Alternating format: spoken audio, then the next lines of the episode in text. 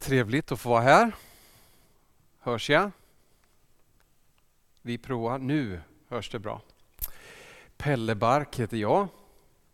Och eh, ni har ingen aning om vem jag är, så jag säger någonting om vem jag är. Några av er känner jag. Eh, men jag är östgöte, kommer säkert lysa igenom. Bor i Linköping med min familj, min fru och fyra barn. Jobbar som pastor i Askeby Askeby Örtomta, det är lite landsbygd utanför Linköping åt Linghemshållet kan man säga. Och eh, jag blev tillfrågad av Björn om jag vill, fick komma hit och predika och det känns jätteroligt. Och eh, det finns i alla fall en liten relation till Korskyrkan. Ungefär för 20 år sedan så jobbade jag som studentpastor i eh, Norrköping här så då installerades jag faktiskt som pastor i Korskyrkans lokaler. Eh, så eh, det var ju Korskyrkan som hade hand bland annat om den anställningen. Då. Så jag har predikat en gång i era gamla lokaler. Eh, och nu relaterar jag också faktiskt halvtid kan man säga till Norrköping för jag jobbar på häktet som pastor och på anstalten i Kolmården. Då. Så en hel del av min tid tillbringar jag i Norrköpings kommun så det känns jätteroligt att få möta er här nu i er ganska nya kyrka. Några år har ni varit här va? Tillsammans med andra församlingar. Jag fick ju eh, uppmaningen att predika om bön. Så det ska jag göra. Och då valde jag en text som jag kände, ja men det är den här texten som är levande för mig just nu. En text ifrån Johannes evangelium. Så jag tänkte vi skulle börja med att läsa den. Och det är, tror jag att ni känner, en ganska välkänd text. Det är Jesus och den samariska kvinnan. Om ni orkar så kan ni få stå upp så läser jag den här texten ifrån vers 1. Det är ett längre stycke så ni får stå en stund, men så får ni sitta sen. När Jesus förstod att fariseerna hade fått höra att han vann fler lärjungar än Johannes och döpte fler det var dock inte Jesus själv som döpte, utan hans lärjungar. Lämnade han Judeen och begav sig på nytt till Galileen. Han måste ta vägen genom Samarien och kom där till en stad som hette Sykar, inte långt från den mark som Jakob gav sin son Josef. Där fanns Jakobs källa. Jesus som var trött efter vandringen satte sig ner vid källan. Det var mitt på dagen. En samarisk kvinna kom för att hämta vatten. Jesus sa till henne, ge mig något att dricka. Lärjungarna hade nämligen gått bort till staden för att köpa mat. Samariskan sa, hur kan du som är jude be mig om vatten? Jag är ju en samarisk kvinna. Judarna vill inte ha något med samarierna att göra. Jesus svarade, om du visste vad Gud har att ge och vem det är som säger till dig, ge mig något att dricka. Då skulle du ha bett honom och han skulle ha gett dig levande vatten. Kvinnan sa, Herre du har inget att hämta upp det med och brunnen är djup. Varifrån tar du då det levande vattnet? Skulle du vara större än vår fader Jakob som gav oss brunnen och själv drack ur den, liksom hans söner och hans boskap? Jesus svarade, den som dricker av det här vattnet blir törstig igen. Men den som dricker av det vattnet jag ger honom blir aldrig mer törstig. Det vatten jag ger blir en källa i honom med ett flöde som ger evigt liv. Kvinnan sa till honom, Herre ge mig det vattnet så att jag aldrig blir törstig och behöver gå hit efter vatten. Jesus sa, gå och hämta din man. Kvinnan svarade, jag har ingen man. Jesus sa, du har rätt när du säger att du inte har någon man. Fem män har du haft och den du har nu är inte din man. Där talar du sanning. Kvinnan sa, Herre jag ser att du är en profet. Våra fäder har tillbett Gud på det här berget, men ni säger att platsen där man ska tillbe honom finns i Jerusalem. Jesus svarade, tro mig kvinna, den tid kommer då det varken är på det här berget eller i Jerusalem som ni ska tillbe Fadern. Ni tillber det som ni inte känner till. Vi tillber det som vi känner till eftersom frälsningen kommer från judarna. Men den tid kommer, ja den är redan här, då alla sanna gudstillbedjare ska tillbe Fadern i ande och sanning. Ty så vill Fadern att man ska tillbe honom. Gud är ande och de som tillber honom måste tillbe i ande och sanning. Kvinnan sa, jag vet att Messias kommer, alltså den smorde. Och när han kommer ska han låta oss veta allt. Jesus sa till henne, det är jag, den som talar till dig. Herre, tack för dina ord. Och tack för att vi får fira gudstjänst här idag. Och Herre, vi ber om att du med din ande ska tala till oss, öppna våra hjärtan. I Jesu Kristi namn. Amen. Varsågoda och sitt.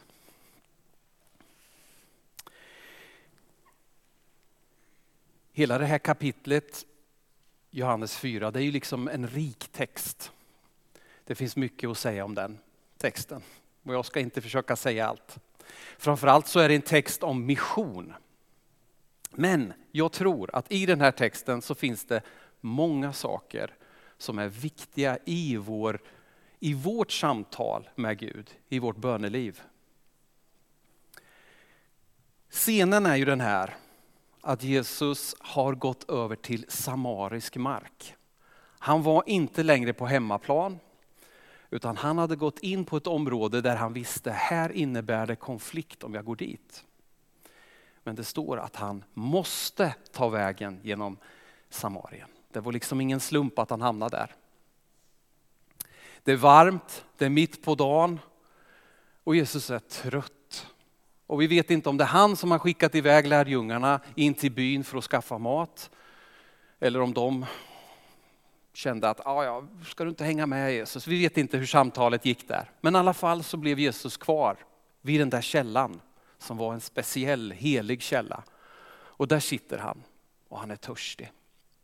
Och så kommer en kvinna, en samarisk kvinna och så börjar det här spännande samtalet. Och jag tänkte vi vandrar igenom samtalet igen även om vi har hört det och sen ska jag försöka fokusera på några saker. Det börjar ju liksom verkligen bara med ett samtal om vatten och om törst. Jesus säger till den här kvinnan, jag är törstig, kan du ge mig vatten? Och direkt så kommer den här konflikten som fanns. Vänta nu, säger hon. Jag är samarisk kvinna, hur kan du be mig om vatten? Alltså, du anser att jag är oren, hur skulle du kunna ge mig vatten? Och det står väldigt tydligt i texten, judarna vill inte ha något med Samarien att göra. Det fanns en sån djup konflikt. Men så går det här samtalet som börjar med vatten och törst ganska direkt in på något djupare. Till en djupare livstörst.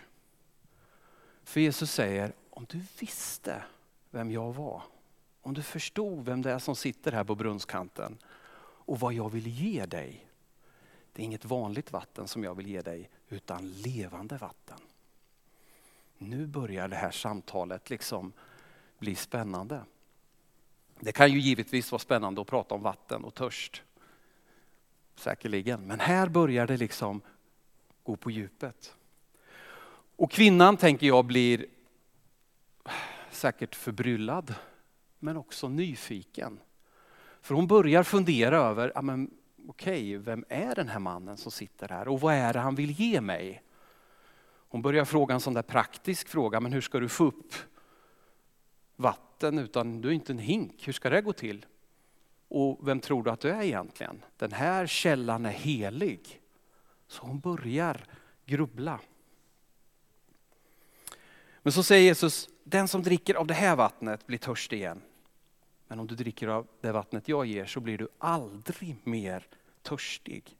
Det blir ett evigt vatten som ett vatten som porlar fram, ett evigt liv som springer fram. Och det jag tänker är, som händer det är att Jesus på något sätt lyckas träffa, och det är ju ingen lyckträff, för det är ju typ det som Jesus gör när han möter människor, hennes livstörst. Han träffar verkligen vid någonting som berör henne. Så hon säger, ja men det vattnet vill jag ha. Även om hon inte förstår vem Jesus är, även om hon liksom inte har fattat vad är det här för vatten, så förstår hon det här vattnet vill jag ha. Och jag tycker också att man kan ana att det finns en tyngd liksom över hennes liv. För hon säger, ge mig det vattnet så jag slipper gå till den här brunnen igen. Så jag slipper bli törstig. Det finns liksom någonting i henne som söker och något som tynger. Jag tror inte hon tänker så här, ja men vad praktiskt, då slipper jag gå hit igen om du ger mig något vatten. Eh, jag tror att hon verkligen förstår, här är någonting som berör mig på djupet.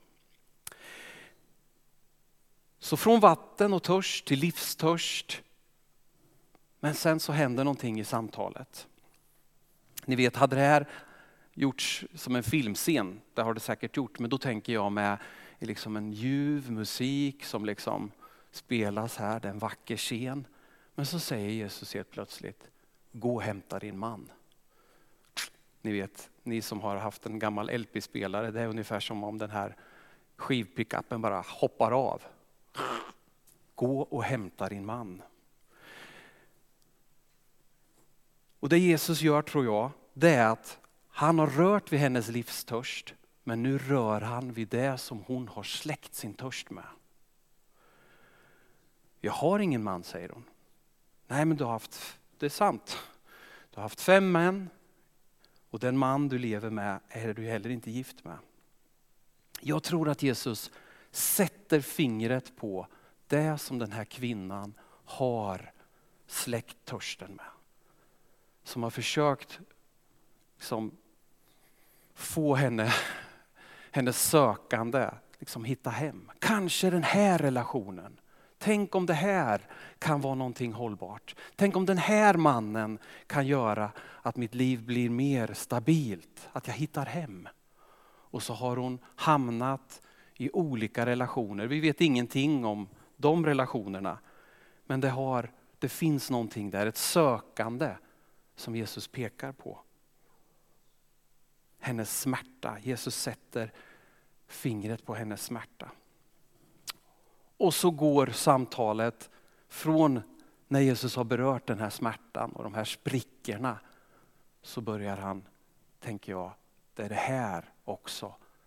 Det är det här det kan börja porla fram. Mitt här, i sprickorna. Och ni vet hur det blir om någon sätter fingret på någonting som är ganska obekvämt. Eh, I alla fall så är det så i mitt liv. Då är det ju inte alltid att jag säger, nej men vad skönt att du lyfte upp det där problemet. Det vill jag tala om. Nej, utan då brukar man hitta utvägar. Och jag tänker att kvinnan är ganska snabb och tar upp den där teologiska kontroversen. Jaha, i så fall förklara, var ska jag tillbe? Ska jag tillbe på det där berget eller det där? Jag tänker att det finns en slags flyktmekanism. Kanske också finns det, men om han verkligen är sann så vill hon också börja ompröva sin egen teologi. I så fall, vad ska jag göra med det jag har lärt mig? Var ska jag rikta mig? Och så säger Jesus att Gud är ande. Gud är ande. Alltså betydelsen Gud finns överallt. Det kommer en tid, den har redan kommit, där det inte är det där berget eller den där platsen utan, som gäller, utan ja, Gud finns överallt. Och du ska tillbe Gud i ande och sanning. Längre fram i Johannes evangeliet så talar Jesus om den helige ande som sanningens ande. Men här säger han tillbe i ande och sanning. Och jag tänker att det där är viktigt när det gäller våran bön. Och jag ska mejsla ut det lite mer. Anden och sanningen. The message, som är lite friare översättning, den säger så här. Det är sådana människor Fadern letar efter. De som helt enkelt är sig själva när de tillber honom. Och samtalet avslutas med ännu en fråga från liksom kvinnan, ja men okej, okay, eller en fundering. Vi vet ju att vi får reda på allt när han kommer, alltså när Messias kommer. Och Jesus säger, han är här, det är jag. Har det här några konsekvenser för vårt sätt att be? Jag tror att det här säger oss väldigt mycket. I alla fall in, talar det in i mitt liv. För jag tänker att, att be, alltså bön handlar ju om hela livet. Vi ska sjunga en psalm sen som heter Du är en bön. Och där finns det en strof i den där psalmen som är Hela ditt liv är ett samtal med honom som bär universum och bor i ditt hjärta. Alltså hela livet, våra liv, det är våran bön. Och ni har ju haft den här rubriken att vi ska vara vända mot Gud. Hela livet inför honom. Och jag tänker gång på gång när man ser hur Jesus relaterar till människor så ser man hur Jesus gör för att han vill komma djupare in i våra liv. När han kommer med en liknelse, han kan ju faktiskt till och med ibland gillra en fälla. Och han gör det utifrån kärlek, men han vill gå djupare. För han är intresserad av oss, av dig och mig. Han vill borra i våra liv. Han går inte förbi. Ehm, och det är, liksom, det är där han möter, han möter oss. Och när jag har tänkt på den här texten, och nu blir det lite barnruta här igen om det är okej. Okay. Erik gillar det. Det är han jag känner. Inga-Märta gillar säkert också barnrutan. När jag tänkt på den här texten så har jag tänkt på en bok som vi har hemma, eller min dotter har den, som heter eh, Barbapappas resa. Jag vet inte om ni känner till Barbapappa. Det känns lite 70-tal. Men Barbapappa han är ju en slags geléfigur som kan forma sig till vad som helst. Vi ska inte fördjupa oss just i hans egenskaper. Men Barbapappa han, han växer upp i en trädgård i, hos en familj. Och när Barbapappa växer upp där så ser de ganska direkt den här familjen att det är någonting som tynger honom. Det är någonting som gör honom nedstämd. Så de tar honom till veterinären. De tolkar honom som han ska gå till veterinären. Och veterinären ser att nej men du behöver en barbamamma. Du måste leta rätt på en barbamamma. Och hela den här boken handlar egentligen om att Barbapappa ger sig ut på jakt. Han åker till Indien, träffar en guru och i Indien så får han eh, rådet att åka till USA och träffa en rik man. Den här rik mannen han hänvisar honom ut på landsbygden. Och ute på landsbygden så säger han, nej men du behöver nog ge dig ut i rymden. Så Barbapappa ger sig ut i rymden men hittar inte Barbamamma. Och så slutar det med att den där raketen som Barbapappa sticker iväg med, den liksom ramlar ner och så ramlar den rätt på bakgården. På hans bakgård, på hemmaplan. Och så går det bara en liten stund så är det just på bakgården där Barbamamma börjar växa upp. Han hittar henne på hemmaplan. Och jag tror att vi behöver se det. För när vi talar om bön, när vi talar om den heliga ande, för vi vill be i den heliga andes kraft, så är det så lätt att vi ger oss ut på jakt. Vi söker. Vi kanske söker, bara jag hittar i den där eh, konferensen, den kan ge mig svaren. Eller den där undervisningen, den, har gett mig, den kan ge mig de här nycklarna. Och så börjar vi jaga. Och den där jakten fanns ju hos den här kvinnan också, tänker jag. Hon hade sökt och jagat och var ska jag tillbe? Men när vi börjar se att Gud vill landa i våra liv så kan vi konstatera att jakten är över. Vi behöver inte jaga. Han har bestämt möte i ditt liv. Och det är liksom det här mötesplatsen sker. I mina känslor, i mitt förstånd, i min vilja. Där vill Gud möta mig i mitt liv. Så jakt, jakten är över.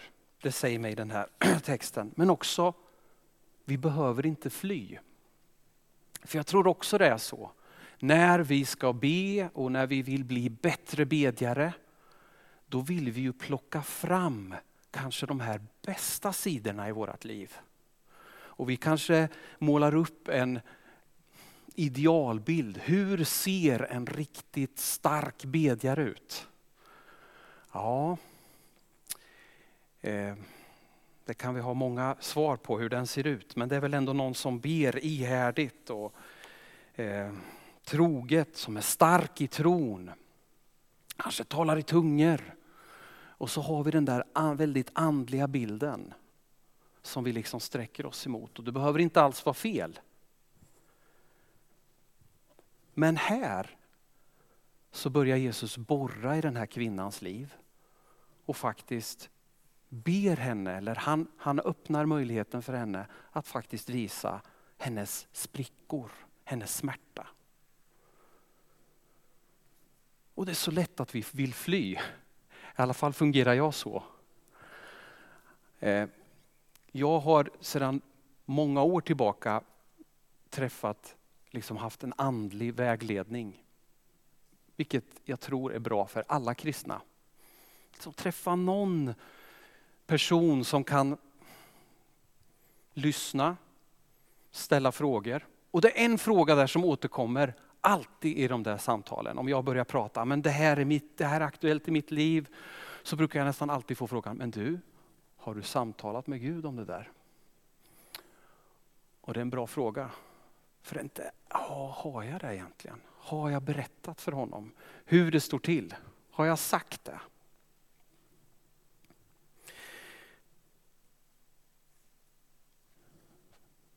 Det sista jag vill liksom belysa, och det kanske är huvudpoängen. För att när vi talar just om det här, och särskilt kanske den heliga ande, så tänker vi oss nog en resa som ändå går lite uppåt. Va? Liksom, på något sätt, vi ska vi ska be i tro, vi ska bli lite bättre. Men här talar ju faktiskt Jesus om andens liv. Och han gör det när han borrar sig ner i den här kvinnans liv. Faktiskt med det som är obekvämt och det som är svårt. Och det Jesus säger, det är ju att ja, om du visste vad jag har att ge till dig. Och så börjar han beröra vid det som hon absolut inte vill tala om.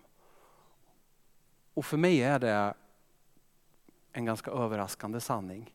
Som jag måste upprepa för mig själv. Ja, men kan det vara så?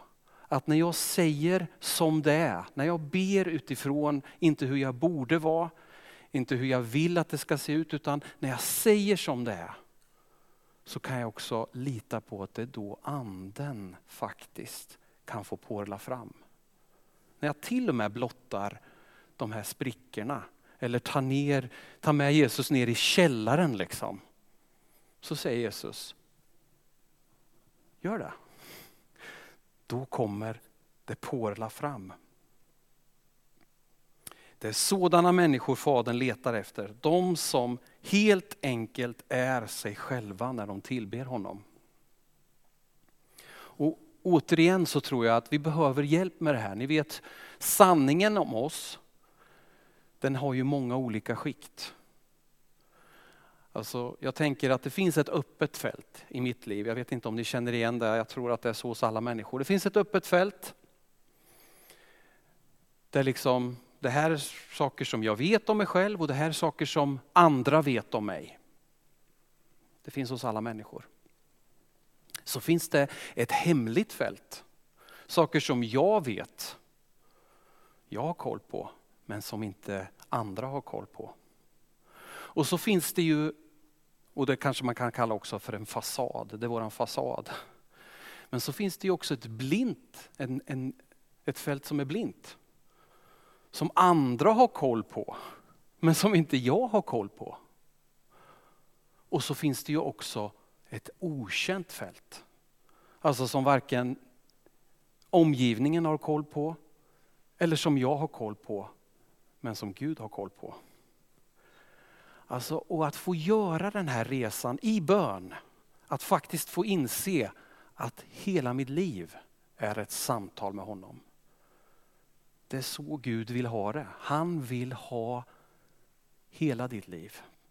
Och det är inte så att han liksom backar eller ja okej okay, jag vet att du har en källare Pelle.